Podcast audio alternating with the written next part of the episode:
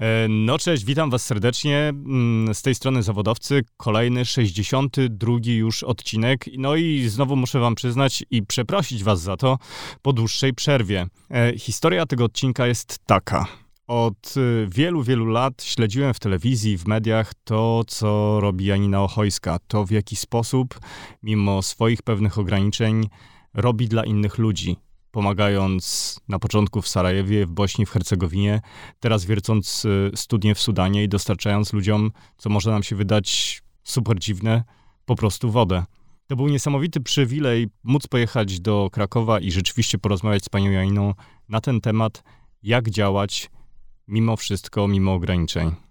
Pojechaliśmy tam razem z Mariuszem Fiką, który przygotował niesamowite jak zwykle zdjęcia. I cóż, i rozmawialiśmy o życiu, wojnie, działaniu. Zapraszam Was serdecznie do wysłuchania tej rozmowy i do poznania historii Janiny Ochojskiej.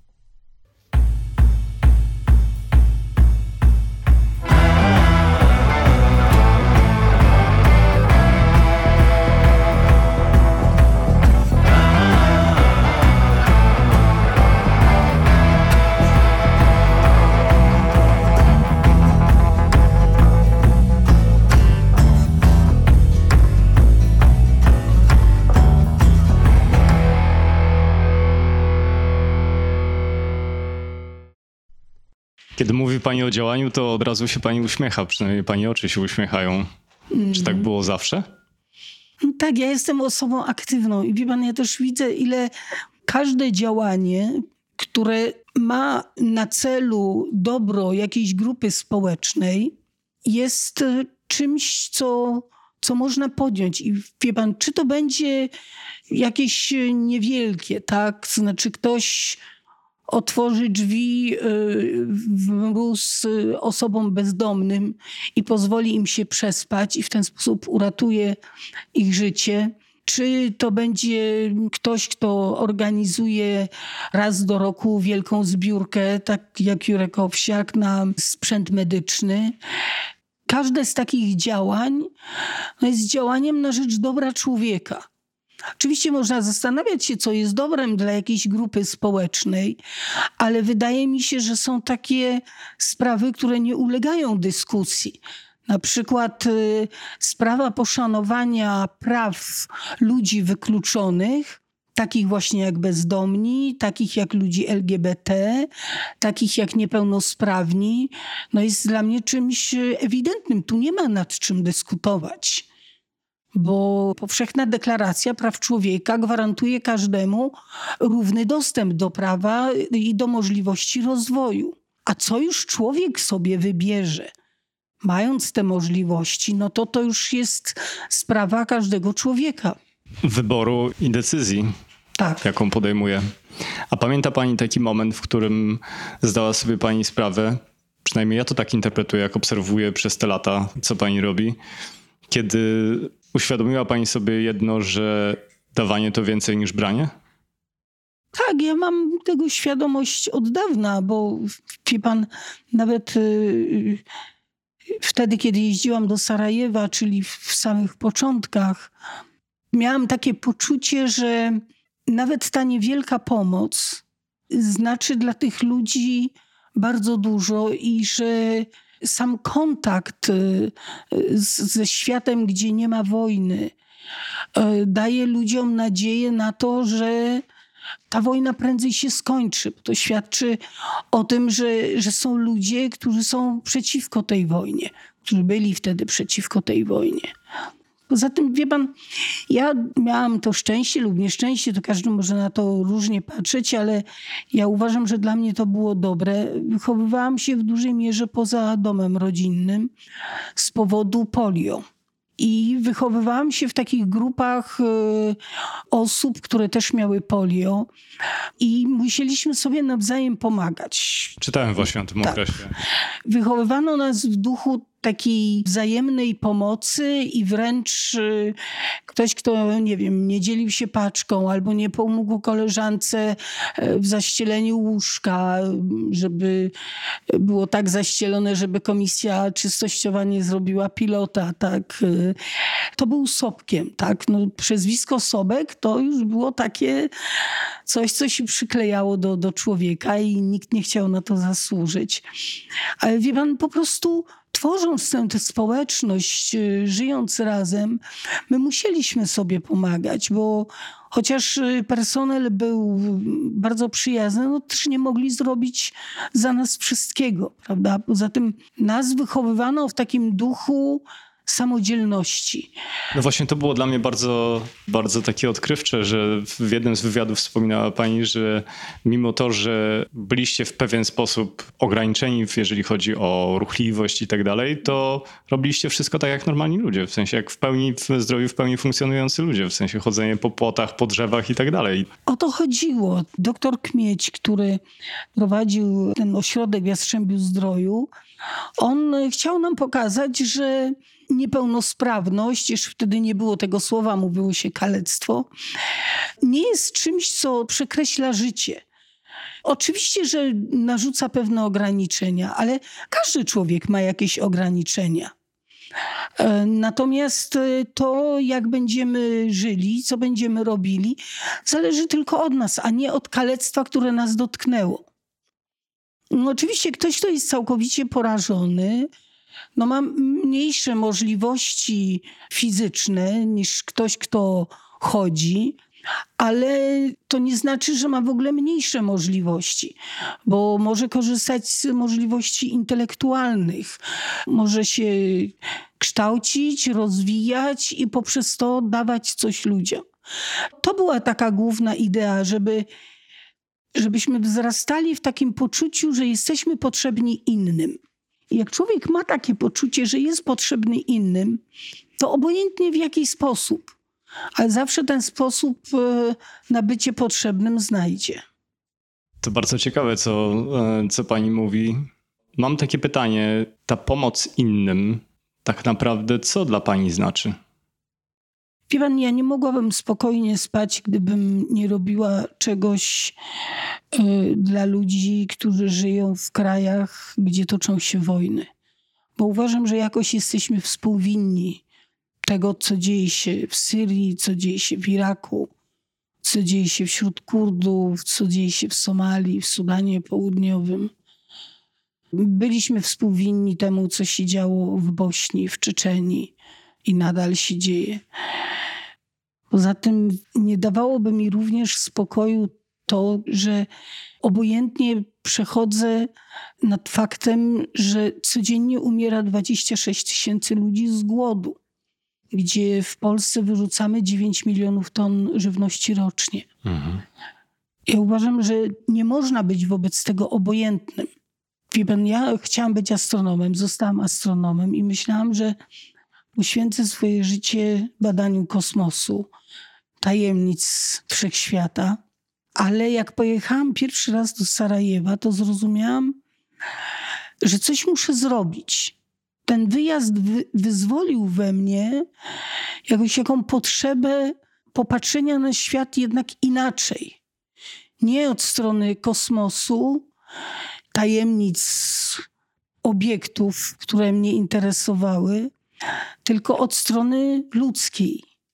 I zobaczyłam, jak wiele jest do zrobienia, i doszłam do wniosku, że wielki astronom to ze mnie nie będzie i astronomia beze mnie się obejdzie. Zawsze poczytać o tym, co robią inni, będę mogła. Natomiast y, zrozumiałam to po, y, po tym, jak y, zostałam kobietą Europy, czyli rok po wysłaniu pierwszego konwoju do Sarajewa że ja mam inne zadanie, że powinnam zająć się organizowaniem pomocy dla ofiar wojen i kataklizmów, że to jest no jakby moje powołanie.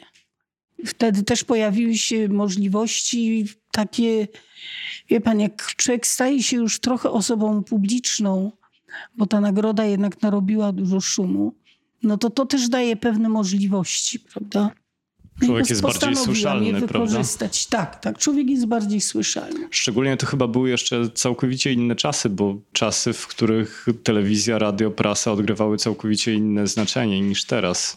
No tak, wie pan, ja kiedyś y, w telewizji polskiej czy w radio byłam bardzo częstym gościem. Proszono mnie o to, żebym mówiła, pokazywała to, co robimy. Jeździły z nami również ekipy telewizyjne. No teraz mogę liczyć tylko na media niezależne. Ale dysponujemy mediami. Proszę zobaczyć, że nie wiem, czy się pani ze mną zgodzi, ale de facto mamy sytuację teraz taką, że media są za darmo i możemy transmitować dowolne treści całkowicie Tak, bez ograniczeń. Nie ma dyrektora programowego, szefa wiadomości czy kogokolwiek innego. Oczywiście te media dalej istnieją i funkcjonują. Ale popatrzmy chociażby na mój podcast. Ja nikogo nie pytałem o zgodę, żeby zacząć nagrywać i rozmawiać z ludźmi, którzy mnie interesują, a są też ludzie, którzy tego słuchają. I to mnie bardzo cieszy, bo wie pan, ja zawsze uważałam, że trzeba iść w niezależność w tym, co się robi. Jak y, telewizja publiczna czy radio publiczne przestały się nami interesować, nie wiem dlaczego, można się tego domyślić, to uważam, że to jest czas, kiedy po pierwsze my w Pachu musimy tworzyć własne media, i korzystać właśnie z takich y, nisz, które się pojawiły. Na początku nisze, a potem okazało się, że to są media, których ludzie bardzo słuchają i które są całkowicie niezależne, tak jak pan mówi, nie mają dyrektorów i robią to, co ich interesuje, mówią o tym, co ich interesuje. W internecie jest tego całe mnóstwo. I mnie to bardzo cieszy, dlatego że takie uzależnienie od telewizji, tak, że trzeba tam usiąść o godzinie Od ósmej. jakiegokolwiek medium, prawda? Tak, yy, od jakiegokolwiek medium, no bo coś jest o tej godzinie, no to to dezorganizuje dzień, tak, bo, bo trzeba. To, to bardzo ciekawe, A co tutaj- pani mówi, bo ja tak. staram się właśnie ludziom tłumaczyć, w jak, jak duży sposób zmienił się sposób konsumpcji tych mediów. No, jeżeli Mhm. zapyta pani teraz, nie wiem, nastolatka i powie pani, że kiedyś był program o 19.30, który można było oglądać tylko i wyłącznie na jednym programie telewizyjnym, no to jest coś niewyobrażalnego, prawda? Tak, tak. Każdy jest przyzwyczajony teraz do tego, że konsumuje medium na własny sposób, o dowolnej porze, w dowolnym kiedy miejscu, z Tak. wykorzystaniem tego telefonu, który, który nosimy w kieszeni. Mm. To nam daje ogromne możliwości i wie pan, ja bym bardzo chciała wy- wykorzystywać takie media do mówienia o tym, jaki jest świat, co można w tym świecie zmienić yy, i że każdy z nas to może robić, nie rezygnując z własnych pasji, bo można to robić w zakresie własnych pasji. Tak? A właśnie bardzo mnie interesowała jedna rzecz i chciałem zadać pani to pytanie. Jakby miała pani opisać świat teraz w kontekście tych działań, które państwo prowadzicie, to co tak de facto dzieje się na świecie teraz? Bo my żyjemy sobie w Polsce, w Europie, jest nam dobrze, jesteśmy bezpieczni, ale tak jak obserwuję świat, w sensie był ład światowy, który istniał jeszcze, dominacja Stanów Zjednoczonych i tak dalej, nie wiem, czy się pani ze mną zgodzi, ale odnoszę takie wrażenie, że zaczyna się bardzo ciekawy okres bardzo dużych zmian. Chiny zaczynają walczyć otwarcie z, o dominację ze Stanami Zjednoczonymi, do tego jest Bliski Wschó- Wschód, Indie, cała Afryka. Jakby miała pani spojrzeć i opisać to, co dzieje się teraz w świecie, to czym by to było? To, co pan powiedział, jest prawdą i w jakim kierunku to pójdzie, który kraj zdominuje który i które kraje będą ze sobą rywalizować, a które się sprzymierzą.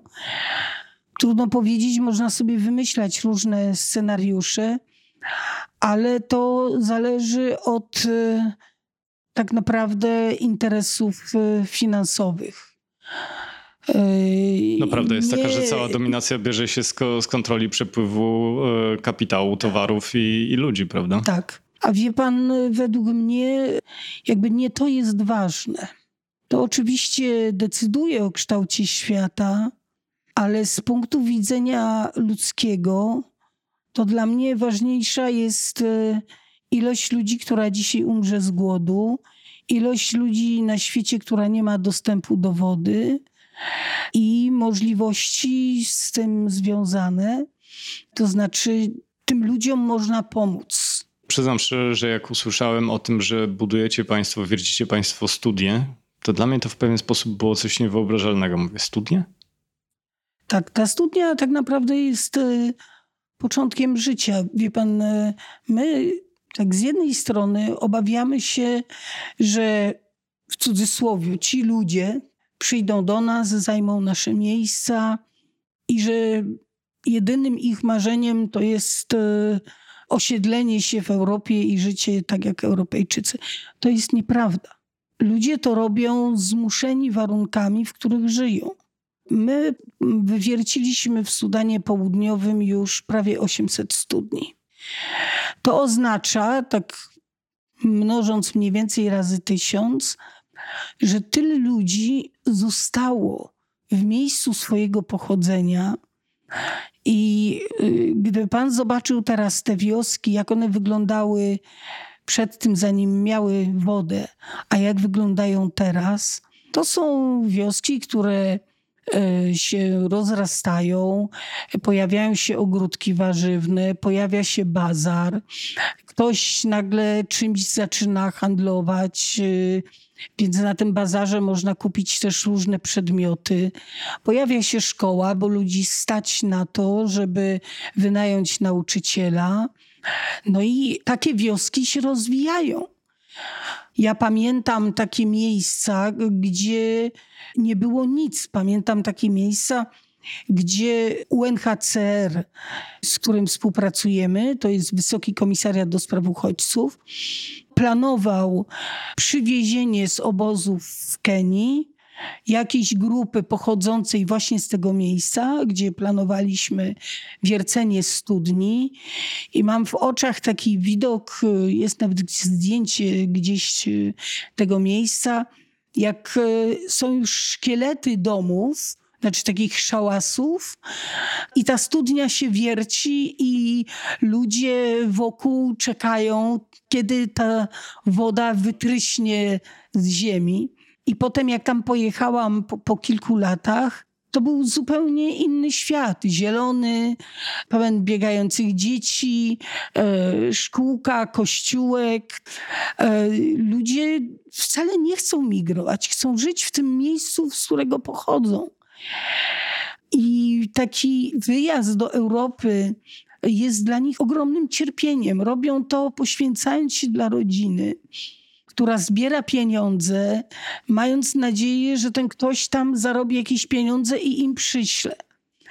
No to czy nie lepiej jest budować studnie? My oprócz studni, my mamy taki program, który tak zakłada najpierw zbudowanie studni i nauczenie lokalnej społeczności, jak budować toalety z szambem i jak dbać o higienę tak, żeby na przykład przy wyjściu z toalety stał kanister z kurkiem i żeby myć ręce po wyjściu z toalety. No, może to się komuś wydawać śmieszne, że trzeba tego ludzi uczyć, ale e, pamiętając, że ci ludzie nie mieli wody i że defekowali na zewnątrz, podcierali się liśćmi, no to e, nie mieli tego nawyku. Tak? No i teraz my opuszczając taką wioskę, kończąc nasz program pomocy, zostawiamy wioskę, w której jest studnia, wioska, w której przy domach są toalety, bo rozdajemy materiały na budowę tych toalet. No i są higienistki, panie wykształcone przez nas, które mają za zadanie y, potem szkolenie dzieci, pilnowanie tego, żeby właśnie w szkole myć ręce po wyjściu z toalety. I to mogą się to wydawać drobiazgi, ale to, to zmienia życie tych ludzi. I wie pan, ci ludzie nie mają pojęcia o potędze Chin, Rosji czy Stanów Zjednoczonych. Ich świat jest tak naprawdę bardzo mały. On się powiększy z chwilą, kiedy dotrze do nich prąd, ale niech on się powiększa już tak, jak ludzie też będą tego chcieli. Trochę to się będzie działo poza ich wolą, dlatego że Chiny y, bardzo dużo inwestują w, w Afryce, budują porty, budują drogi, no, Czytałem chyba, że w 2020 którymś roku w Kenii w szkołach mają normalnie uczyć chińskiego. O tym nie słyszałam, ale faktem jest, że Chiny bardzo dużo inwestują w różnych krajach i inwestują przede wszystkim w infrastrukturę, której w tych krajach nie ma. W Kenii oczywiście, w Nairobi prąd jest, ale na północy kraju już jest o wiele gorzej. Tak, e, Sudan Południowy ma tylko prąd w większych miastach i to też nie we wszystkich. Mówienie o większych miastach w ogóle to jest e, mówienie o większych wioskach tak naprawdę. Więc e, to są kraje pod względem infrastruktury bardzo zacofane. I dla nich myślenie o, o, o tym, który z krajów będzie tą potęgą światową, myślenie o rynkach finansowych, to jest, inny to jest po prostu jakaś abstrakcja. Tak. Mam nadzieję, że i oni z czasem zrozumieją i też zrobią jakieś e, e, biznesy swoje, że będą się rozwijali.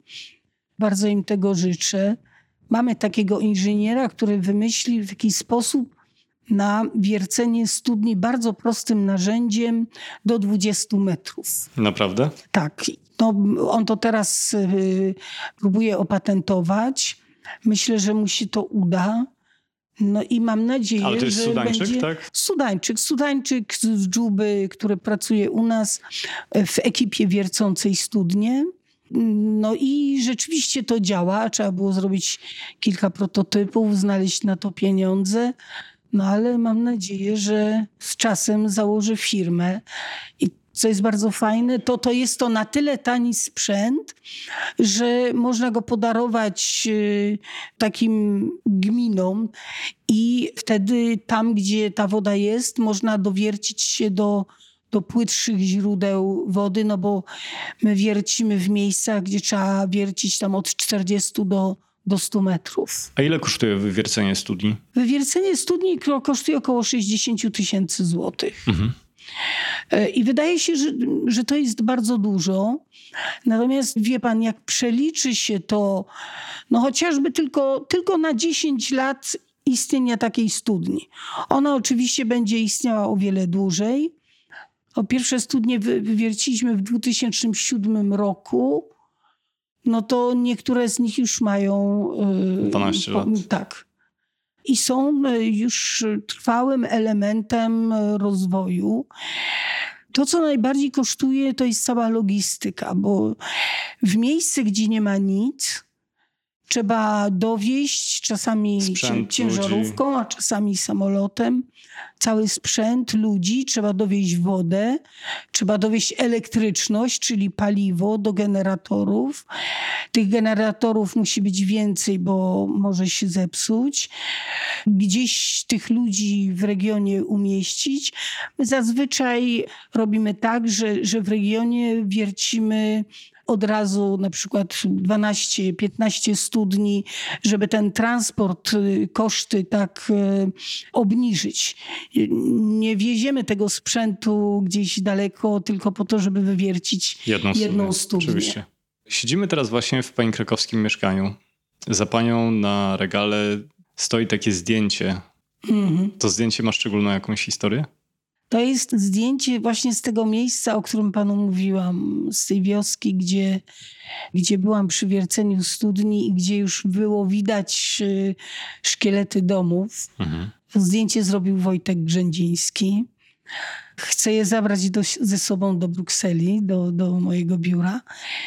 Tak, ja wtedy pierwszy raz zobaczyłam, jak y, woda wytryska z ziemi i pierwszy raz zobaczyłam radość ludzi z tego powodu, że, że jest woda i, i takie oczekiwanie. Dla tych, którzy Wszyscy słuchają do tej wody nas. się rzucają, tak. Właśnie, jeżeli moglibyśmy opowiedzieć, co znajduje się na tym zdjęciu, no to jest... Opowie pani, pani Janino, swoimi słowami? Tak, tak. Widać przede wszystkim na pierwszym e, planie chłopca, który nabiera w rękę wodę, która wytryskuje z, e, ze studni. E, widać zarys tej wody, tak, ona jest jakby zatrzymana. No ona niesamowicie wygląda, te krople aż tak, są tak, tak. E, uchwycone. No i są koledzy, którzy też do tej wody doskakują i próbują złapać tę wodę do takiego naczynia z tykwy. To był ich pierwszy kontakt z, z wodą? To był ich pierwszy kontakt z taką ilością wody. To niesamowite. Chodzili po wodę gdzieś do jakiegoś strumienia, który jeżeli wysechł, no to trzeba było szukać wody w takich zbiornikach, do których trzeba iść czasami wiele kilometrów, ale to jest bardzo zanieczyszczona woda. No tak, a to jest woda, którą można pić. A to jest woda, którą można pić. Jeszcze ta pierwsza, która wytryskuje, to jeszcze nie jest mhm. czysta woda, ale nie sposób e, odgonić kobiety i dzieci od takiej radości zanurzenia się. Ja myślę, że e, dla tych ludzi, dla tych dzieci, kobiet, e, mężczyzn, którzy to obserwują, to to jest taki pierwszy moment w ich życiu, kiedy mogą cali zostać oblani wodą. Mówię pan, nie zrobi pan tego z kanistra, który pan niesie do domu. Przez żeby, 10 kilometrów. Tak, żeby coś w domu ugotować. No woda jest na wagę złota, prawda? A tutaj tak. widać taki pure joy, jakby tak. to powiedzieli Amerykanie. To rzeczywiście niesamowite kadry, niesamowite zdjęcie i bardzo pani gratuluję tego, e, tego pomysłu. Przede wszystkim trzeba pogratulować Wojtkowi Grzędziskiemu tego zdjęcia. Mhm, Rzeczywiście zrobił wspaniałe zdjęcia mhm. z Sudanu Południowego. Zrobiliśmy potem wystawę tych zdjęć, żeby pokazać ludziom, jak ludzie żyją i jaką radość przynosi woda. Mhm. I że danie tej wody jest możliwe. Nie zdawałem sobie sprawy z tego, jak dużo woda, którą mamy na dotknięcie jednego palca u nas w, w, domach, w kranach, może rzeczywiście zmienić. I ta sytuacja, o której pani opowiadała, i ten rozwój, który idzie za jedną studią, czyli te działki, hodowla roślin, potem stoisko i stragan z warzywami. Potem zwierzęta, tak, bo te zwierzęta to jest rzeczywiście niesamowite. Napoić. A tak. mogłoby się wydawać, że Afryka to taki gdzieś zapomniany przez Boga ląd, w którym e, nic nie rośnie, jest pustka na, na ziemi i ludzie skazani na porażkę. Według mnie Afryka jest e, takim kontynentem, który rozwija się najbardziej dynamicznie i który prześcignie i Europę, może nawet i inne potęgi, bo po pierwsze jest bardzo duży potencjał w ludziach nawet jeżeli nie są tak wykształceni jak e, ci, którzy pochodzą z Europy czy, czy Stanów Zjednoczonych, są część z nich kształci się na, na różnych e, uczelniach, ale przede wszystkim tam potencjałem ogromnym jest bardzo żyzna ziemia, woda, do której trzeba się dowiercić oraz bardzo dużo surowców te surowce no, będzie stąd można takie zainteresowanie jak... Chin też. Stąd też zainteresowanie Chin. No, Chiny rozbudowują tę infrastrukturę nie dlatego, żeby Afrykańczycy mieli dobre drogi, tylko po to, żeby dostać się do surowców. No ale będą dostawali się do tych surowców y, jednak przy pomocy y, lokalnej ludności, dając im narzędzia. I tutaj bardzo wiele zależy od tego, czy rządzący tymi krajami będą dla siebie chcieli zagarniać bogactwa, czy będzie im zależało na rozwoju ich kraju. No to jest chyba też bolączka takich młodych demokracji, młodych państw. To prawda, że te młode państwa, dochodząc do wymarzonej niepodległości, i tak było też z Sudanem Południowym, e, zaczynają później walkę o władzę. Tak? Które plemię będzie rządziło. Wydawało się, że w Sudanie Południowym zostało to dobrze rozwiązane, bo prezydentem był Dinka, wiceprezydentem był Nueri i po jakimś czasie miało być na odwrót. No ale po trzech i pół roku jednak nie wytrzymali i zaczęli walczyć, ponieważ no, no, okazało się, że są duże złoża ropy, łatwiej się wzbogacić, jak ma się wyższe stanowisko, a w Afryce jeszcze jest coś takiego, wie pan, że, że to jest wręcz obowiązek zadbać o rodzinę. W związku z czym ci, którzy dostają się do tak zwanego koryta, no najpierw dopuszczają do niego ludzi z rodziny. Czyli nepotyzm jest rzeczą naturalną. Nepotyzm jest tak, tak.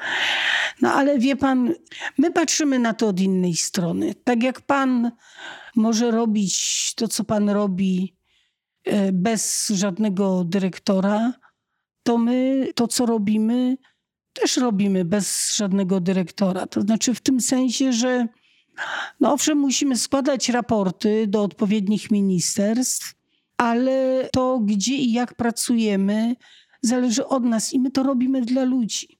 Ale dlatego Żaden też, że państwo finansujecie nie może to. nam kazać wywiercić studnie koło jego domu, prawda? Robimy to dla ludzi, którzy tak naprawdę nie mają pojęcia o tym, kto rządzi, bo są zbyt daleko i w ogóle nie mają nawet możliwości dowiedzenia się, bo y, nie ma elektryczności, oni nie umieją czytać i pisać, więc y, wie pan, to jest coś, co na szczęście jeszcze oddziela ich od tego nepotyzmu, od walk politycznych. Y, Oni nie są tymi, którymi te rządy tak naprawdę się interesują. Także to jest jeszcze cały czas taka możliwość docierania z taką pomocą rozwojową do ludzi, którymi nikt się nie interesuje poza organizacjami pozarządowymi. Pani Jeno, pozwoli pani, że wróciłbym jeszcze do pani wykształcenia, ponieważ Mhm. mało kto wie, że rzeczywiście jest pani z wykształcenia astronomem. Jak patrzy pani na niebo w Afryce, to co pani widzi? No, widzę inne niebo niż w Polsce. Już nie mówiąc o tym, że tam niebo jest bardziej przejrzyste. Mhm. Można zobaczyć o, o wiele więcej. Także jest to fascynujące, bo to niebo po prostu tak wydaje się przytłaczać Naprawdę? ilością gwiazd. Tak, tak. A który gwiazdozbiór jest pani ulubionym? No, nie mam ulubionego gwiazdozbioru. Nie. Ale jest coś takiego, co przyciąga panią do, do tego nieba i patrzenie w niebo daje pani jakąś taką szczególną radość? Czy Tajemnica. Tajemnica wszechświata, która mnie fascynuje i wierzę, że, że kiedyś dowiem się, jak ten wszechświat powstał i dlaczego on istnieje. Ma pani swoje wyobrażenia na ten temat? Może nie tyle wyobrażenia, ile wiedzy na temat różnych teorii. Ale wie pan, dla mnie bardziej jest fascynujące takie rozumienie na co dzień, że my w tym wszechświecie żyjemy. Także ten wszechświat, jeżeli jesteśmy jedyną cywilizacją, no to ten wszechświat został stworzony dla nas. Jeżeli jest więcej cywilizacji, które istnieją we wszechświecie, a ja wierzę w to, że, że tak jest, no to taki zamysł, tak, że ten wszechświat powstał po to, żeby te cywilizacje mogły istnieć. I on powstał z jakiegoś jednego momentu, który spowodował wielki wybuch. Więc to jest fascy- fascynujące, że ten wszechświat powstawał, tworzył się, tworzyły się warunki po to, żeby powstały w nim różne cywilizacje. No ja już tego nie dożyję, ale też wierzę, że po śmierci ja się tego wszystkiego dowiem. Jakoś tak sobie wyobrażam niebo. Że ja to wszystko będę wiedziała, że istnieją inne cywilizacje, jakie, że ta tajemnica zostanie przede mną odkryta. No bo nie dożyję już tego, żebyśmy nawiązali kontakt e, z inną cywilizacją. Kto wie, pani Janino, przecież świat idzie tak szybko do przodu, a pani jest jeszcze taka młoda. No, jestem młoda, ale już nie taka młoda i chciałabym żyć długo, bo lubię żyć i życie za, zapewnia mi poznanie, tak? Poznawanie innych ludzi, innych kultur, poznawanie historii, która mnie fascynuje. No ale wiadomo, że to życie kiedyś się skończy, że nie będzie nieograniczone.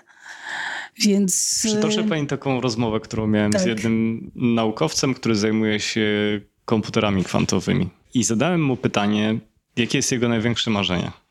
I on absolutnie poważnie odpowiedział, że chciałby odbyć podróż poza nasz układ gwiezdny. Ja mu powiedziałem, Przemek, ale to przecież niedorzeczne. On mówi, słuchaj, postęp cywilizacyjny, idzie tak szybko, że być może nie jesteśmy w stanie wyobrazić sobie tego, co nastąpi za 30 lat. Ja też marzę o tym, żeby chociaż móc zobaczyć Ziemię z daleka. Uważam, że ci, którzy ją zobaczyli, Musiał się zmienić ich stosunek w ogóle do życia, do, do, do, do istnienia, do wartości tego istnienia i też e, wartości człowieka, bo człowiek potrafi dokonać niezwykłych rzeczy.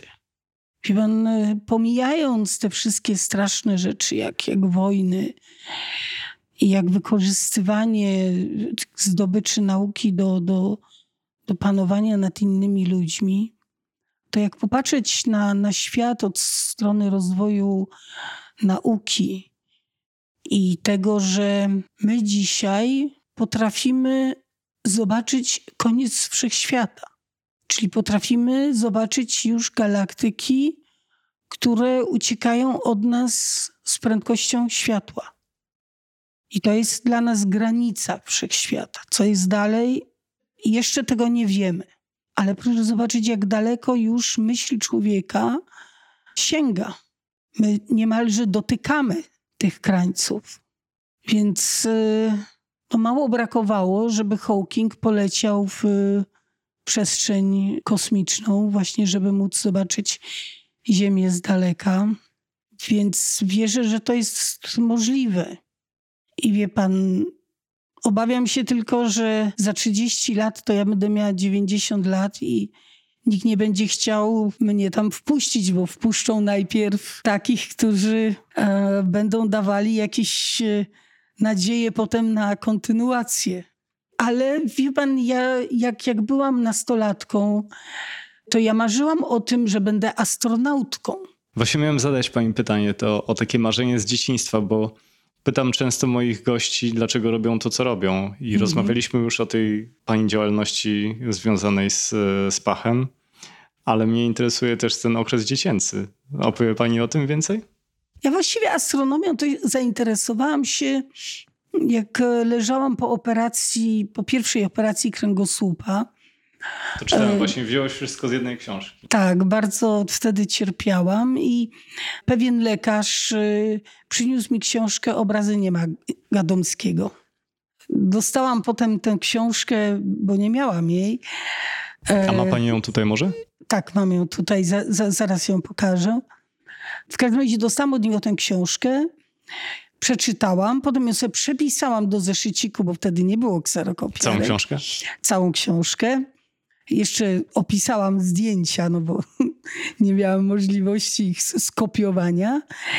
Tego zeszytu nie mam, gdzieś się zadział, ale ta książka obudziła moje zainteresowanie wszechświatem. I postanowiłam wtedy, miałam 13 lat, z taką całą pewnością, że będę astronomem. No i jak skończyłam 60 lat, to telewizja TVN podczas jakiegoś programu podarowała mi tę książkę. Zaraz ją panu pokażę.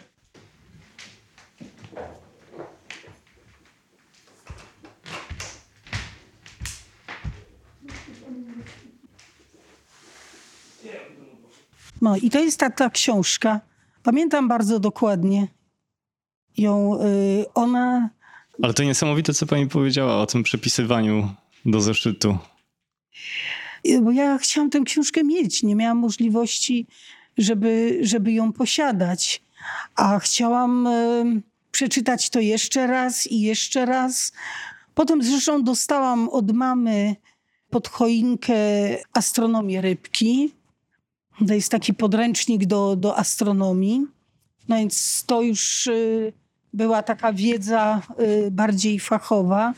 No i mam tutaj nawet jeszcze te książki, które, które czytałam w tym czasie, które kupowałam sobie albo gdzieś w antykwariacie. Pamiętam siebie siedzącą na, na balkonie w domu albo w szpitalu i, i, i czytałam właściwie przede wszystkim książki astronomiczne. Czytałam też Lema, bo to bardzo pobudzało wyobraźnię. Chociaż nie, nie lubię książek fantazji, nie, nie, nie czytam takich. Jest szczególnie bliski pani fragment tej książki? Nie, wie pan, e, nie potrafiłabym powiedzieć, że jest jakiś fragment, który jest mi szczególnie bliski, bo ja dostawszy ją teraz, już jej nie, nie przeczytałam, dlatego że informacje, które tutaj są, no, to są już stare. Ale czy zdjęcia wybuchów na, na, słońcu, na słońcu, czy zdjęcia kraterów.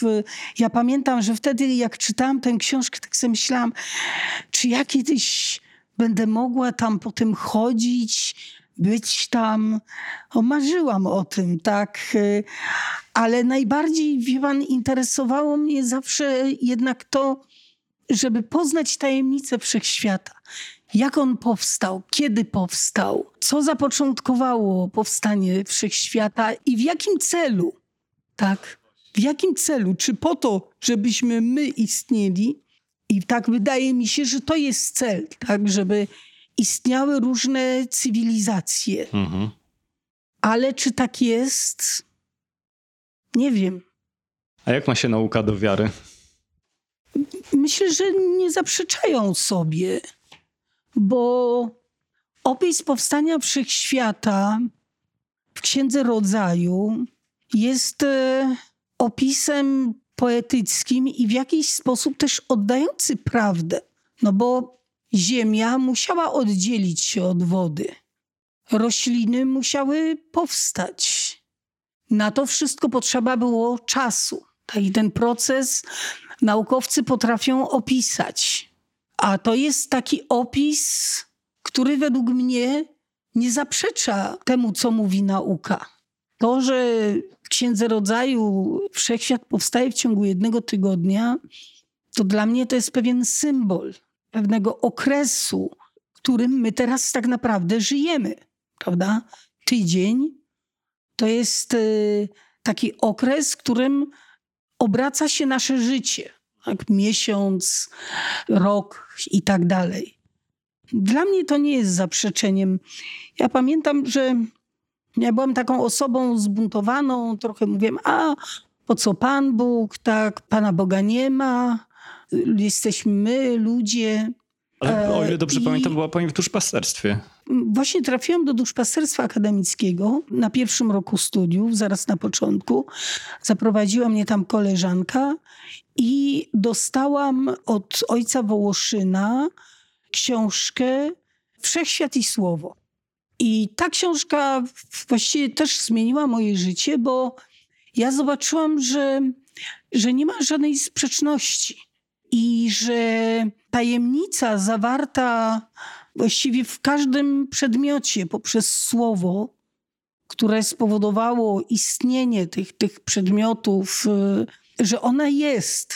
I wie pan, nam wydaje się, że mamy tutaj widzimy wiele przedmiotów, one powstały z pracy rąk ludzkiej albo z myśli, tak, bo ktoś tę książkę napisał, ale słowo było potrzebne do wyrażenia istnienia tego wszystkiego. My jednak istnienie tego, co jest wokół nas, określamy słowem. Ale z drugiej strony wszystko, co nas otacza, albo wszystko, co stwarzamy, bierze się z naszej myśli. Bierze się z naszej myśli, to jest materia. My ją nazywamy w taki czy inny sposób. Prawda? No ale to nie jest, wie pan, żadnym zaprzeczeniem. Znaczy, ja jestem osobą wierzącą i doszłam do tej wiary właśnie poprzez e, szukanie tajemnicy we wszechświecie, w świecie. I widzę, że gdzieś jest ta granica, której człowiek nie może przekroczyć. Granica wiedzy? Nie granica wiedzy, bo my tak naprawdę w poznawaniu jesteśmy nieograniczeni. Jeżeli czujemy tę granicę, to tylko po to, żeby ją znowu przekroczyć. My kolejne granice przekraczamy. To nie chodzi o to, że jest granica, tylko jest jakaś tajemnica, która zawiera się w pytaniu między innymi, tak, po co ten wszechświat powstał? Jaki był cel? Powstania wszechświata. Dla kogo on powstał? Sam dla siebie? Czy dla nas? Nie wiem, czy jest odpowiedź na to pytanie. Ale fakt, że to pytanie sobie stawiamy i że nie potrafimy znaleźć na nie odpowiedzi, świadczy, że za tą materią stoi jakaś tajemnica. Ja ją określam jako tajemnica, która jest w Bogu, która jest tym słowem, że to słowo ma moc stwarzającą. I pamiętam, jak ksiądz Tischner na swoich wykładach mówił właśnie o mocy słowa i o tym, że my wypowiadając słowa stwarzamy pewną rzeczywistość. Dlatego wypowiadając słowa należy bardzo uważać. Nie można ich wypowiadać za wiele, nie można ich wypowiadać byle jak, nie można mówić byle czego, bo słowo raz powiedziane, ono istnieje. Może zranić, może zniszczyć, a może tworzyć. No i człowiek może słowo wykorzystywać w najróżniejszy sposób. Więc ta moc słowa jest tak samo w nas, jak i w Bogu. I to jest fascynujące, że my dostaliśmy tę samą moc tak, poznania i tworzenia. A myślę, że te granice, które są w nas, one biorą się stąd, że używamy czasami słów y, i tej materii, która jest nam dostępna i, i poznania, używamy ich przeciwko drugiemu człowiekowi, chcąc posiadać więcej, nie wiem, władzy, czegoś. To jest dla mnie dziwne, że człowiek do tego dąży. Gdyby ludzkość rozumiała, po co jesteśmy tutaj, to być może też zrozumiałaby, że jakby nieważne jest to, ile będziemy mieli, tylko ważne jest to, żeby istniejąc, żyjąc, poznać jak najwięcej, dać siebie jak najwięcej. Wie pan, życie wtedy by było jeszcze bardziej fascynujące. Jak słucham teraz o tym, co mówi pani o słowie, przychodzi mi taka myśl do głowy, że chyba takim optymalnym połączeniem jest myśl, słowo i czyn, czego najlepszym dowodem jest to, co pani stworzyła. Wie pan, y, taki też jest porządek rzeczy. Także gdzieś w kimś powstaje jakaś myśl, która zostaje ubrana poprzez słowa, a potem przeradza się w czyn. I to czyny świadczą o człowieku. Słowa też. No ale słowa prowadzą jednak do czynu, prawda? Wypowiadając słowa niszczące drugiego człowieka, doprowadzamy też do jakiegoś czynu. A wypowiadając słowa, które człowieka umacniają i słowa, które coś tworzą dobrego, tworzymy coś dobrego. I dla mnie to jest bardzo ważne w życiu, jak żyję. I to nie dlatego, żeby ktoś mnie chwalił, obsypywał nagrodami. Jakby nie, nie dlatego to wszystko robię, tylko po prostu lubię żyć i lubię robić coś dobrego. To mi sprawia ogromną satysfakcję. I chciałabym, jak, już będę musiała odchodzić z tej ziemi, no, żeby mieć takie poczucie, że, że byłam tutaj po coś i że zostawiłam po sobie jakieś dobro. Myślę, że może być Pani tego pewna, że już teraz, a życzę Pani naprawdę jeszcze wielu lat w zdrowiu i w szczęściu. Dziękuję bardzo, teraz mam taki trudny moment, kiedy walczę z chorobą nowotworową, ale nie mam absolutnie wątpliwości co do tego, że, że ją przezwyciężę i że jeszcze w Parlamencie Europejskim czeka mnie dużo pracy. Ale pani Janino, ja, siedzimy teraz naprzeciwko siebie i hmm. E, widzę ten błysk w pani oku, który pojawia się co, co jakiś czas. I tego właśnie pani serdecznie gratuluję i życzę tej siły i tej motywacji takiej wewnętrznej i chęci do działania. I tego, żeby znajdowała pani realizację swoich marzeń w tych takich małych i dużych działaniach. Dziękuję bardzo. Ja wierzę w to, że poznam jeszcze takich też nowych ludzi, bo wie pan, żeby coś robić nowego, trzeba też poznawać nowych ludzi, którzy mają takie same idee, e, łączyć się. Teraz pojawiło się tyle problemów, które trzeba jakoś rozwiązać, dać ludziom nadzieję, dać ludziom coś pozytywnego do myślenia, a nie tylko negatywnego. Także wierzę w to, że że jeszcze będę mogła wiele zrobić i już nie mogę się tego doczekać. Naprawdę, serdecznie tego pani życzę. Ja jeszcze zanim się spotkaliśmy, rozmawiałem z kilkoma osobami, między innymi z Markiem Rakiem, który jest również podcasterem, z Kamilą Goryszewską i wszyscy prosili, żeby panią serdecznie wyściskać, pozdrowić i przekazać naprawdę gigantyczne gratulacje za to, co, co pani osiąga i to, co pani osiągnęła do tej pory. Dziękuję bardzo. To ja dziękuję w takim razie, bo mi niezwykle miło gościć panią w podcaście Zawodowcy. A mi było miło pana gościć w moim mieszkaniu. dziękuję bardzo. Dziękuję.